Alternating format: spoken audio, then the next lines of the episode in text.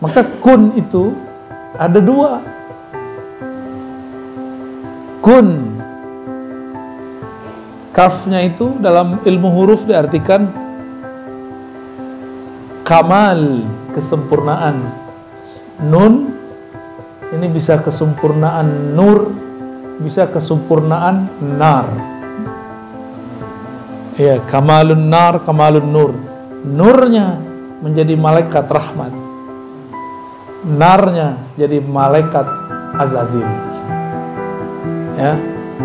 Malaikat Azazil ini mantan jenderal di di surga. Dulu dia pemimpin di surga, tapi dipecat.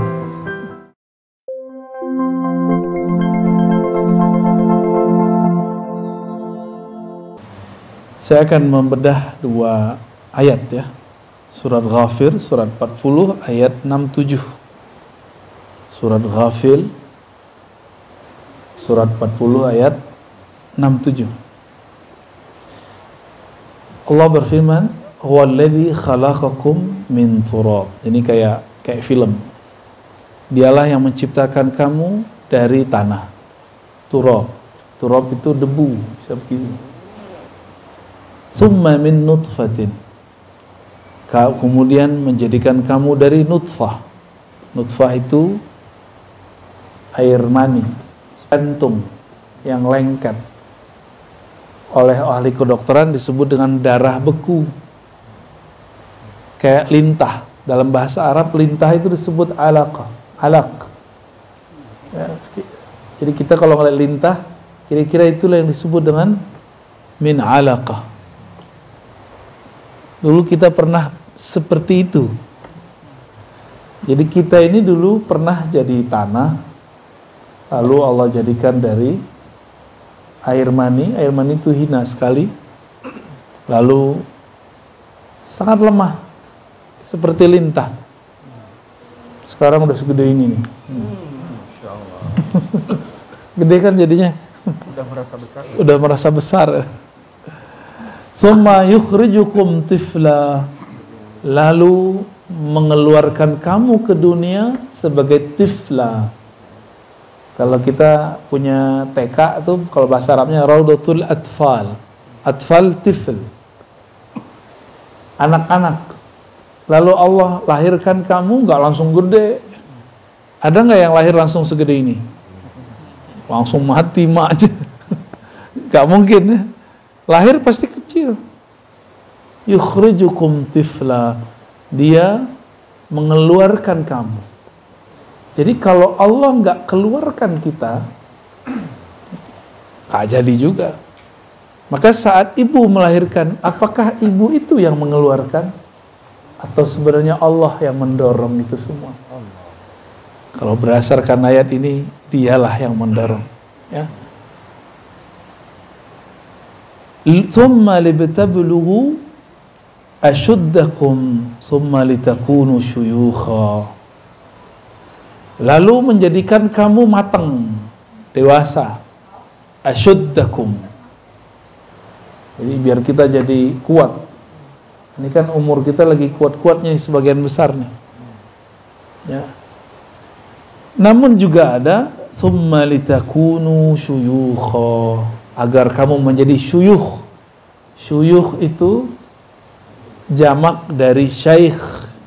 Dalam bahasa Arab syekh itu tua. Ya. Udah punya uban? Ada. Ada. Alhamdulillah. Berarti sudah mulai syuyukho. ya.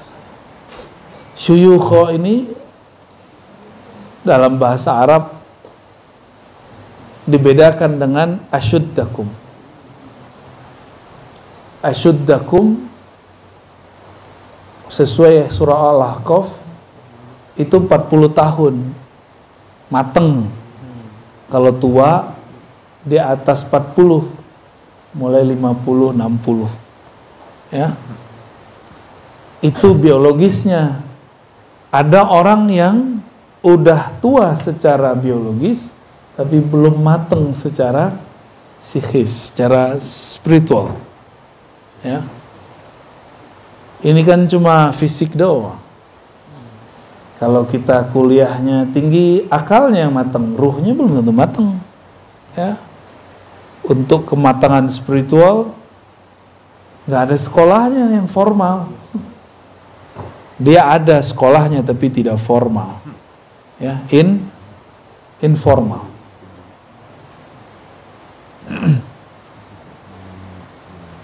Nah, lalu Allah mengatakan wa minkum may yutawaffa min qabl. Di antara kamu may yutawaffa ada yang diwafatkan min qablu sebelum tua atau sebelum matang sebelum 40 atau sebelum 50 60 benar ya.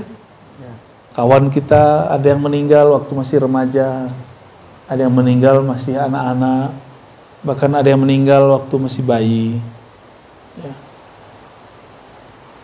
kawan saya sekelas habis merantau dari apa namanya tuh daerah Pelabuhan Ratu Sukabumi. Pulang-pulang mati. Ada kami mau masuk kuliah saya masuk kuliah ke mana, dia masuk kuliah ke mana. Ketika tes, harus benerin gigi dulu. Cabut giginya, pendarahan, mati. Padahal itu paling pinter di kelas kita. Kalau ceramah, suaranya kayak Kiai Zainuddin. Ada yang meninggal sesaat sebelum skripsi. Ada yang meninggal udah skripsi, udah siap-siap, mau berangkat, mau wisuda, atau tahu tabrakan. Uh, lengkap, misalnya. Jadi suka-suka Allah ya. Maka disebutkan kalimatnya, wa minkum may yutawaffa min qabl. Di antara kamu ada yang disempurnakan rezeki hidupnya. Maka wafat bahasa Arab itu artinya wafaur rizq disempurnakan, dihabiskan rezeki fisiknya. Itu disebut dengan wafat. Jadi wafat itu bukan bahasa Indonesia, wafat itu bahasa Arab. Ya, wafa, ya, aufu bil uqud, sempurnakanlah janjimu, transaksimu. Nah, yutuwafa yang disempurnakan, yang dilengkapkan. Apa yang dilengkapkan? Yang dicukupkan rezekinya jadi nggak usah khawatir masalah rezeki. Kata Nabi Shallallahu Alaihi Wasallam, la yamutanna ahadukum ya, tidaklah kamu mati hatta yustaufa rizku sampai rezekinya disempurnakan. Ya. Sampai rezekinya itu habis. Artinya apa? Sebenarnya tidak ada orang akan ketukar rezeki. Nggak ada. Kalau faham bab begini, ada nggak iri dengki? Nggak ada. Takut nggak mati? Ngapain takut lagi? Emang udah bagiannya, udah jatahnya. Ya, udah jatahnya. Walitablugu ajalam musamma dan supaya kamu sampai kepada ajal. Jadi ajal itu bahasa Arab artinya time waktu. Musamma yang sudah disebutkan. Itu secara harfiah. Musamma juga berarti yang sudah ditinggikan. Maka umur itu ada umur biologis. Ada umur akal. Ada umur kolbu ada umur ruh. Itu beda-beda. Umur fisik ya itulah. Sekarang berapa Ustaz umurnya? 41 jujur sekali Ustaz. Alhamdulillah. Udah matang udah, udah matang. Udah kayak apa telur digoreng mateng belum suyuh. Belum suyuh aman. Ada apa dengan 40 40 itu ya umur matang. Orang sudah mulai berpikir saya sudah tua ya. Gitu. Saya udah lama juga ya hidup. Mau ngapain lagi hidup? Gitu. Ada orang sebelum umur fisiknya 40, dia sudah mikir begitu. saya buat apa ya hidup di sini? Umurnya ma- masih 13 tahun, masih 15 tahun, masih 21 tahun. Nah, orang-orang begini, dia sudah 40 tahun secara kolbu sebelum fisiknya. Kalau 40 tahun akal ya kemampuan intelektual, kemampuan, kematangan akal pikiran. Ya pasti beda lah orang yang kuliahnya S1, S2, S3. Tapi itu baru normatif. Banyak kok orang yang S3 tapi nggak mateng juga banyak. Jadi jangan tertipu oleh gelar-gelar ya. Itu kan cuma formalitas. Udah lihat belum sarjana itu pengen dihargai kesarjanaannya. Gue loh dokter, gue loh magister, saya lah sarjana. Oh banyak yang begitu. Ternyata kerjaan dia nggak sesuai dengan gelarnya, tapi masih pengen dihargai gelarnya. Oh banyak yang begitu. Dia sedang menjadi bukan dirinya sendiri. Umurnya kolbu adalah kematangan dalam melakukan zikrullah. Karena zikir kolbu itu membuat seseorang tenang. Maka orang yang matang secara kolbu, dia matang dalam mendapatkan ketenangan. Jadi dia tahu cara pola-pola menenangkan diri. Ya. Ada orang udah doktor atau udah direktur atau sudah udah mateng lah. Tapi ketika ada masalah dia nggak bisa menenangkan dirinya. Ya, dia nggak bisa menenangkan dirinya. Gampang panik. Nah orang-orang seperti ini berarti kolbunya belum mateng, gampang panik, gampang rusuh. Ya. Hati-hati loh, jangan gampang rusuh. Jangan gampang rusak-lusuk, itu mempengaruhi orang sekitar kita. Maka kalau sakit, yang tenang-tenang. ya. Ada orang sakit, tenang. Ada yang sakit, eh, eh, mana yang bikin kita rusuh? yang nomor dua, ya. Penyakitnya biasa, tapi ekspresinya berlebihan. Ya. Itu maksudnya saya sendiri ya. Kita kalau demam senangnya begitu.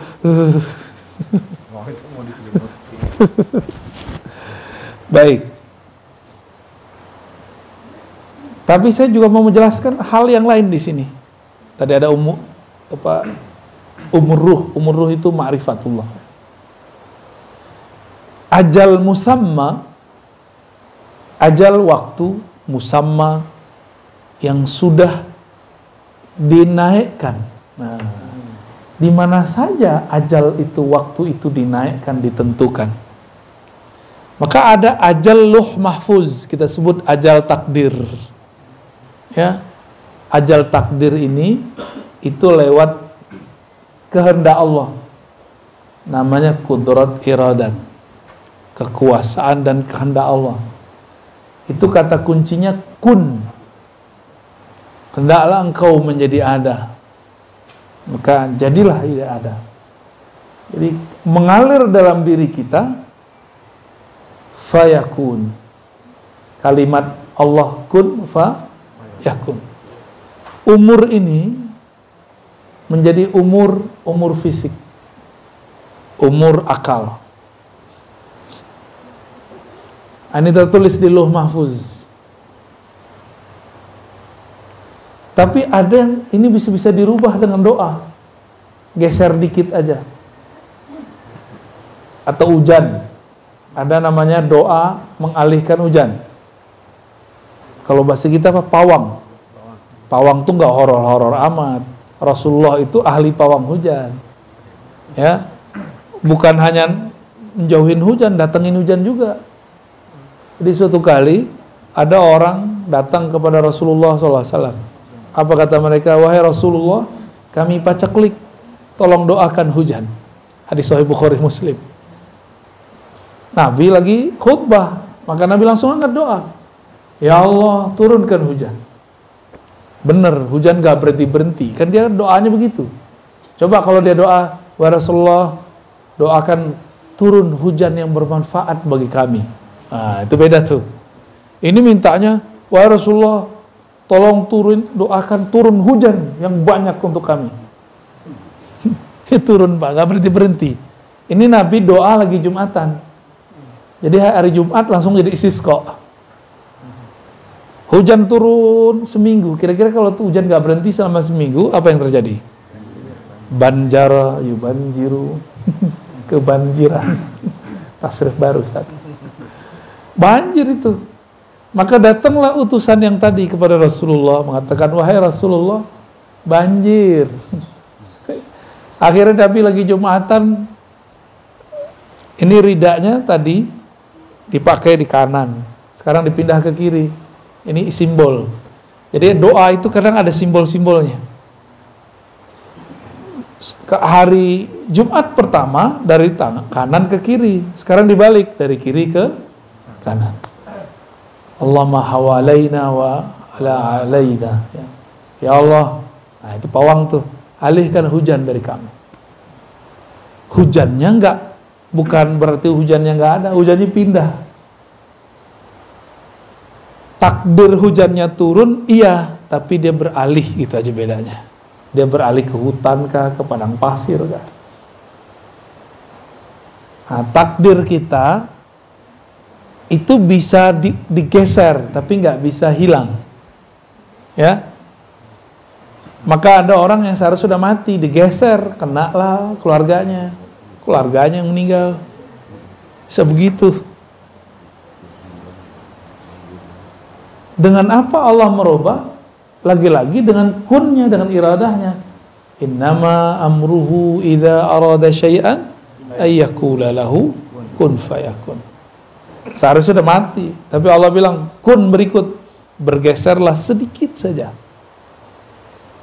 seharusnya jadi miskin tapi menjadi biasa nggak miskin seharusnya bergeser di jalan tabrakan tapi karena subuhnya baca kunut waqina syarra ma qadait jagalah kami dari takdir yang buruk. Seharusnya tabrakan cuma gesek aja. Jadi kalau kita bergesekan mobil gores, ingat-ingat nih makna doa ini. Mungkin seharusnya kita ini tabrakan. Tapi karena berkah doa digeser dikit. Yang penting takdir tetap ada bergesekan walaupun sedikit. Gitu. Seharusnya miskin, bertahun-tahun, tapi karena dia doa, berkah gurunya, silaturahmi, baca Al-Quran, sholawat, dia cuma diberi kemiskinan sesaat. Yang penting takdir miskinnya ada. Gitu. Takdir susahnya ada.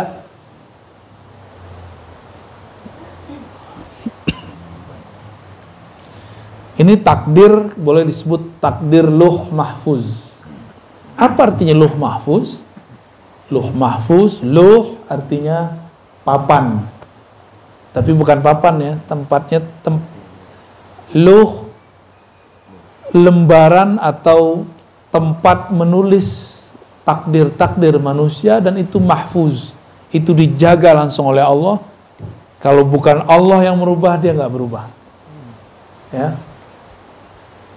Inilah makna hadis Nabi. Tidak ada yang mendapat merubah takdir kodok ya kecuali doa. La yughayyirul qada illa doa tidaklah dapat merubah qada qada kehendak ketetapan Allah kecuali doa. Pertanyaannya doa itu siapa yang menetapkan? Allah juga. Jadi saya bisa doa takdir juga nggak? Tuh jadi jangan sok dulu ngomong kalau nggak doa gua nih nggak jadi nih. Saya kan pernah cerita tuh dulu kita naik bus. Di samping saya ini eh, saya di tengah-tengah. Ketika kita malam-malam saya lagi tidur. Tiba-tiba pas pertigaan ada truk hantam samping kiri pas di samping saya. Di Jawa Tengah tuh. Akhirnya bus kita bergeser gitu gitu. Berhenti.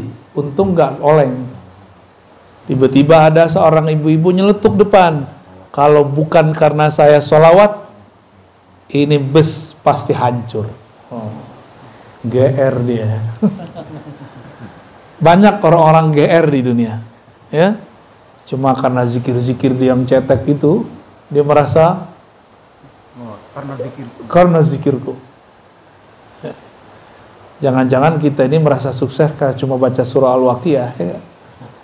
Ya, jangan-jangan kita merasa sukses karena solawat-solawat kita yang belum tentu diterima itu, yang belum tentu tulus. Jangan-jangan. Ya.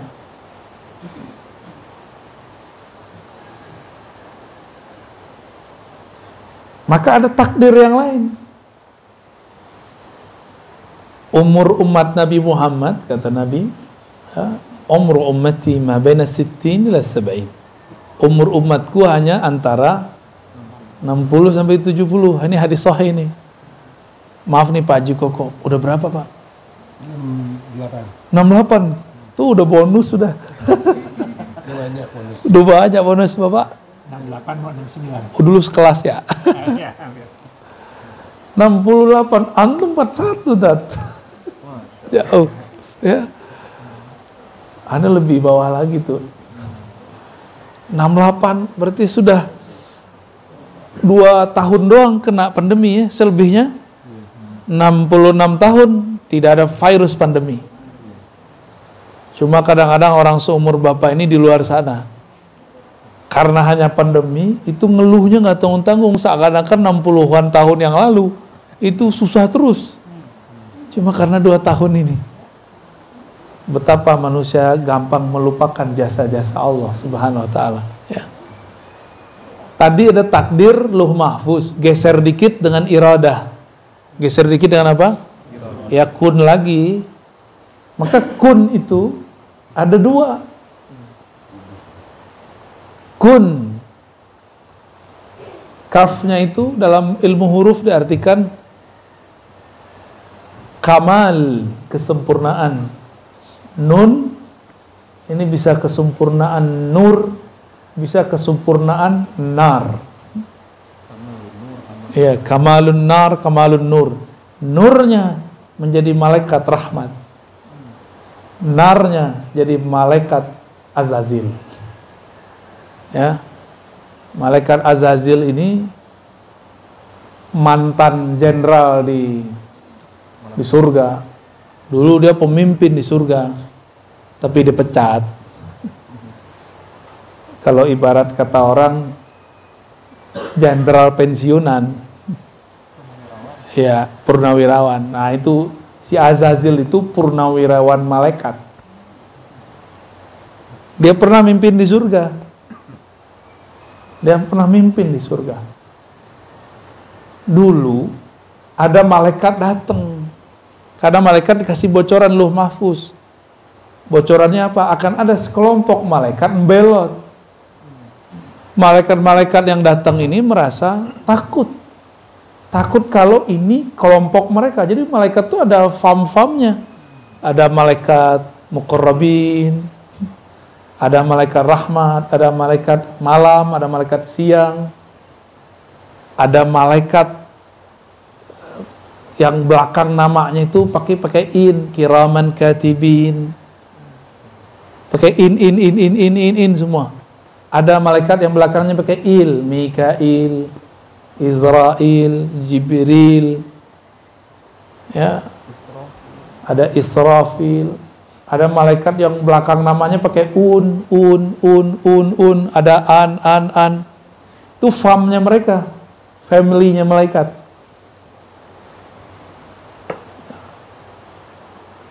Ah, malaikat-malaikat ini datang kepada jenderalnya malaikat zaman itu, panglimanya, pemimpinnya. Datang minta doa. Karena si malaikat yang ini nih yang di, di tengah surga ini zikirnya paling banyak. Ya zikir paling banyak doa paling mantap. Apa ada kata mereka? Wahai Azazil doakan kami. Katanya di luh mahfuz ada sekelompok malaikat akan belot apa kata si Azazil baik aku doakan kalian dapat hidayah. Ya. Hadakumullah. Semoga Allah memberi kalian hidayah. Tapi dia lupa mendoakan dirinya ya seperti kelompok-kelompok yang sekarang sama aja ngomong belagu amat halo ya. semoga Allah beri hidayah kamu hadakumullah kalau doa tuh mulai diri kita dulu hadani Allah wa iyyakum semoga Allah beri hidayah aku dan kamu gitu kalau doain orang ya jangan hanya orang yang didoain si iblis ngerasa saya bakal selamat dengan zikir saya. Maka kalian saya doakan berkah zikir ini selamat. Saya nggak perlu doa. Aku nggak perlu doa. Ya. Kalian aja minta doa kepada aku. Jumawa dia. Mulai merasa berjasa. Karena memang banyak urusan-urusan surga itu beres sama dia. Azazil ini rapinya bukan main. Sayapnya sangat banyak jumlahnya sama dengan jumlah sayap Jibril. Seandainya nih mereka nggak berubah, itu Azazil lah yang jadi pembawa wahyu ke muka bumi. Cuma ada satu kekurangannya. Apa kekurangan dia? Dia nggak solawat. Ya, Jibril solawat. Dia ngira apa? Ngapain sholat sholat? Zikirku udah cukup kok, udah sempurna kok. Itu dia. Jibril dan kelompok dia semua bersolawat. Maka disebutlah salawat Jibril sallallahu ala Muhammad. Itu yang dipandang oleh Sayyidina Jibril hanya nur. Jadi Sayyidina Jibril nunggu, nunggu lama sekali baru Allah izinkan ia melihat nur maka dia berselawat sallallahu ala Muhammad ya.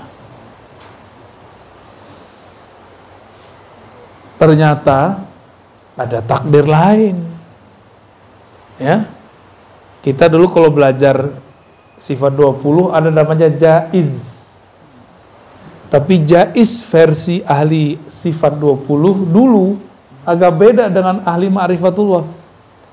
Kalau versi sifat 20, tar siang bisa hujan, bisa tidak hujan. Gitu. Kalau bagi saya itu masih irada. Ya. Kehendak Allah. Kalau jais itu Allah berkehendak bukan berdasarkan luh mahfuz. Tapi suka-suka dia jais. Jais artinya boleh-boleh saja. Allah terbebas dari semua hukum. Kita terikat oleh hukum loh mahfuz, tapi Allah tidak terikat. Ah, ini namanya jais. Allah suka-suka aja. Yaghfiru liman yasha. Ya. Allah kalau mau diampuni kita semua. Kalau mau yu'azib. Allah siksa semua. Ada orang seharusnya udah mati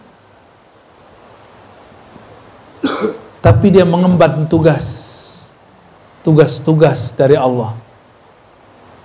Nabi Daud dia harusnya udah meninggal umur 30-an. Nabi Adam ini kan diajarkan ilmu asma, salah satunya nama-nama orang yang mati yang hidup dari umat umatnya. Kita ini sudah ada semua namanya, mana Nabi? Adam. Nabi Adam kemudian melihat ada keturunannya seorang nabi kalau umurnya dipanjangkan 30 tahun lagi pasti sukses. Ngalahin seorang raja yang yang zalim.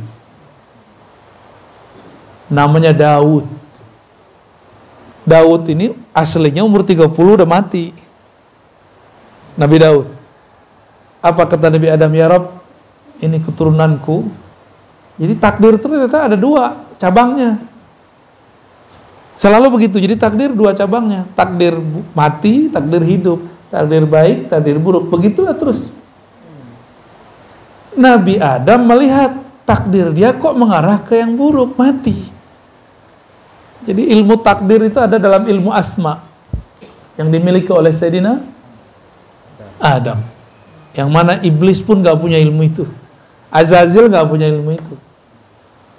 Akhirnya Sayyidina Adam mengatakan, Ya Rob, aku punya 30 tahun umurku. Umurku sudah terlalu panjang. Tolong serahkan ini untuk keturunanku. Namanya Daud. Jadi Nabi Adam itu laki-laki tapi feminin. Benar nggak? Nih anak nih kepleset masuk kolam. Yang yang terjun turun itu ibunya, bapaknya, eh mana mana mana gitu doang. itu kejadian Pak ya. Waktu saya main-main ke tempat rekreasi, itu ada kolam. Kolamnya bukan kolam sih, air terjun Terus ada air genangan di situ, anak-anak pada mandi. Salah satu dari pengunjung bawa anak, anaknya kecebur. Ada suaminya, ada istrinya, bapak ibunya. Ibunya yang nggak bisa berenang masuk ke dalam. itu tambah repot. Tapi namanya dia ngelihat anaknya, dia langsung turun. Suaminya, eh buka baju dulu ya repot. Seharusnya kan dia langsung masuk Oh, naruh handphone dulu ya salam udah udah kelelep tuh anak dia masih pakai logika akalnya rasionya. Kalau seorang ibu kan enggak Nabi Adam itu bapak iya ibu iya. Sayyidatuna Hawa Siti Hawa emaknya siapa? Nabi Adam. Bapaknya siapa? Nabi Adam. Jadi Nabi Adam itu emak iya, bapak iya, secara tugas. Secara kelamin ya laki-laki. Begitu Nabi Adam. Jadi beliau ini nabi yang maskulin tapi punya sifat feminin. Keibuannya itu ada. Maka dia serahkan umurnya sebagian untuk ah, Nabi Daud. Ketika sudah di bumi, Nabi Adam sudah lama juga ya hampir seribu tahun di bumi datanglah kawannya Israel kan temenan nih mereka nih ya biasanya Israel kalau mau cabut nyawa lapor dulu. Bro Adam anak keturunanmu mau cabut dulu nih. Lihat dulu namanya. Oh ya sudah lanjut. Itu Nabi Adam didatangin oleh Israel. Israel udah lama nggak datang. Udah kerja sendiri aja. Tiba-tiba Israel bilang, hey, Dam, udah habis nih, udah habis. ah, udah end, udah habis waktumu. Kata Nabi Adam, eh yang sembarangan, saya masih punya jatah 30 tahun lagi. Kata Israel, Dam, di catatanku udah habis. Udah nggak ada. Umur sekian ada mati. Nabi Adam ngotot, enggak umur saya masih 30 tahun lagi. Maka Israel baliklah kepada Allah. Nanya, ya Rob, ini gimana ceritanya? Ini SK main-main kayaknya nih. SK nggak beres nih. Ngadu kepada Allah, Allah bilang, itu Adam lupa kasih tahu dia. Ingetin dia. Lupa apaan? Dulu dia pernah memberikan umurnya 30 tahun untuk keturunannya Daud. Nabi Daudnya belum lahir secara fisik, tapi sudah ada namanya di Luh Mahfuz. Jalan takdirnya sudah ada. Dua jalan takdirnya, mati atau lanjut. Nabi Adam gunakan hak jaisnya sebagai hamba Allah karena Allah punya hak jais yang sangat sempurna. Nah, nabi-nabi ini diberikan sebagian-sebagian. Kalau doa aja nggak cukup. Ini harus dia dia pakai hak jaisnya dia. Jadi Allah yang maha mutlak tidak terbatas. Ini bisa kita minta request. Lebih dari doa. Diingatkan Nabi Adam, Dam, dulu kamu di surga, kamu mengatakan 30 tahun umurku diberikan kepada Daud. Anasita, apakah engkau lupa? Nabi Adam ingat-ingat. Oh ya. Baru Nabi Adam ingat, oh gue udah ubanan. ya. Udah kuriput. Umur udah hampir seribu di bumi. Berarti waktu di sorga, satu hari di sorga sama dengan Seribu tahun. Ini Nabi Adam itu umurnya udah ribuan tahun sebenarnya. Tapi tetap lebih tua iblis, Azazil, 80 ribu tahun. Masih lebih tua. Akhirnya Nabi Adam mengatakan, ya sudahlah, walaupun saya sudah 30 tahun udah ngasih, saya masih pengen panjang umur. Tuh, enak kan jadi Nabi Adam? Yang penting gue hidup, gitu. Jadi beliau nggak mau tahu. Maka digunakan lagi hak jaisnya yang kedua kalinya. Maka Allah panjangkan umurnya 30 tahun. Lah balik lagi tuh takdir yang lama. Tapi takdir Nabi Daud tidak dicabut. Jadi dia tetap dapat umur 30. Berarti Nabi Adam dapat umur 60 tahun. Kira-kira begitu. Berarti takdir itu ada red-rednya.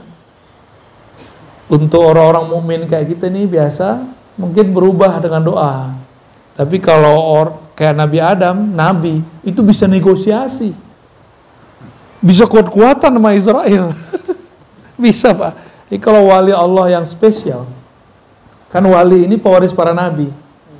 Kalau ada wali mewarisi Nabi Adam, oh bisa tengkar sama Israel. Tengkar mulut. Ada yang tengkar fisik. Nabi Musa, hadis Imam Bukhari, hadis sahih. Israel datang mukanya bukan muka Israel yang dulu, tapi muka jagoan. Apa kata dia? Musa, ajalmu sudah datang. Nabi Musa, Nabi. Tapi beliau lagi gak konsen nih. Biasa kalau konsen tahu nih orang, nah ini orang beneran atau malaikat tuh dia tahu. Ini beliau lagi sibuk Kata si orang yang datang ini, saya mau cabut nyawamu. Kira-kira gimana Ustaz? Ada orang datang bilang, gua habisin nyawa lo. Eh, nanti dulu. Eh, nanti dulu. Eh, ke Jawara aja keluar kan. ya, tunggu dulu. Ya. Keluar dulu semua silat Sundanya. silat, apa namanya? Priangan. Ada nama silatnya kan? Ah, banyak silat di, di tanah Sunda ini banyak silat. Silat lidah ya. Itu Nabi Musa dulu waktu ada orang-orang Firaun jahat dipukul dia langsung mati. Ini ada malaikat nyamar jadi orang jadi jawara, mirip kayak musuhnya yang dulu. Ditonjok, copot matanya. Tapi kan itu jelmaan, yang malaikatnya nggak copot, tapi jelmaannya seperti copot. Copot pak, habis matanya. Kuatnya Nabi Musa tuh. Tengkoraknya langsung pecah itu. Itu di hadis Sahih Bukhari disebutkan. Oleh kelompok ingkarus sunnah dia nggak percaya hadis ini. Dia nggak tahu hakikat malaikat. Ini yang rusak cuma jelmaannya malaikatnya nggak rusak. Ya itu Nabi Musa tuh. makanya Nabi Musa nambah lagi umur gitu jadi nabi-nabi wali-wali itu bisa request bisa jontok-jontokan sama malaikat maut. Gue belum pengen mati gitu. Bisa begitu. Wali itu nggak mau mati sama dengan nabi nggak mau mati. Berarti ada tugas yang belum selesai. Tugasnya dari Allah berarti si malaikat maut pakai SK luh mahfuz kalau nabi wali pakai SK jaisnya Allah. Jaisnya Allah isinya rahman rahmah kasih sayang. Ar-Rahman alal aristawa dan takdir itu tertulisnya bukan di lumafus tertulisnya di aras jadi takdir arsiyah ada takdir luh mahfuz luh mahfuz di atas langit ketujuh kalau aras di atasnya lagi dan aras mencakup alam semesta ada lagi takdir yang di atas itu masih panjang itu suka-suka Allah lah ya. Jadi Allah ini nggak boleh diatur siapa-siapa. Misalnya nih, udah ada uh, takdir ditulis, Allah nggak terikat dengan takdir itu. Kita yang terikat takdir itu, gitu. Orang-orangnya Allah, bahasa Arabnya ahlullah. Orang-orangnya Allah, keluarganya Allah, dia nggak terikat dengan loh mahfuz. Dia terikatnya dengan jaisnya Allah. Jaisnya Allah itu ada bentuknya syafaat, ada bentuknya hadiah. Tapi hukum sunatullah kan tetap nggak boleh berubah. Dia cuma geser doang. Jadi kalau ada orang seharusnya mati, digeser, mungkin pindah, mungkin ada yang kena samping kiri kanannya. Ini bukan hanya dengan ilmu kun nur, tapi ada kun nar. Pernah dengar tumbal nggak Ustaz? Ya. Tumbal itu nar dia. Dia pakai kun juga, pakai nar. Biasanya orang kalau menyembah setan, mau bikin rumah, mau bikin villa, mau bikin resto, mau bikin usaha, dia mengabdikan diri kepada setan. Kun juga, kan setan pakai kun juga. Tapi nar. Nanti ada tumbal-tumbal. Seharusnya dia yang mati, tapi yang mati siapa? Ya, orang-orang sekitarnya. Tuh, dalam ilmu setan aja ada, di alih-alihan, apalagi dalam ilmu nur. Gitu, ya. Ini kita sekedar membuka-buka sedikit aja nih biar selama ini yang kita sudah tahu ternyata bagian dari rangkaian ilmu kun.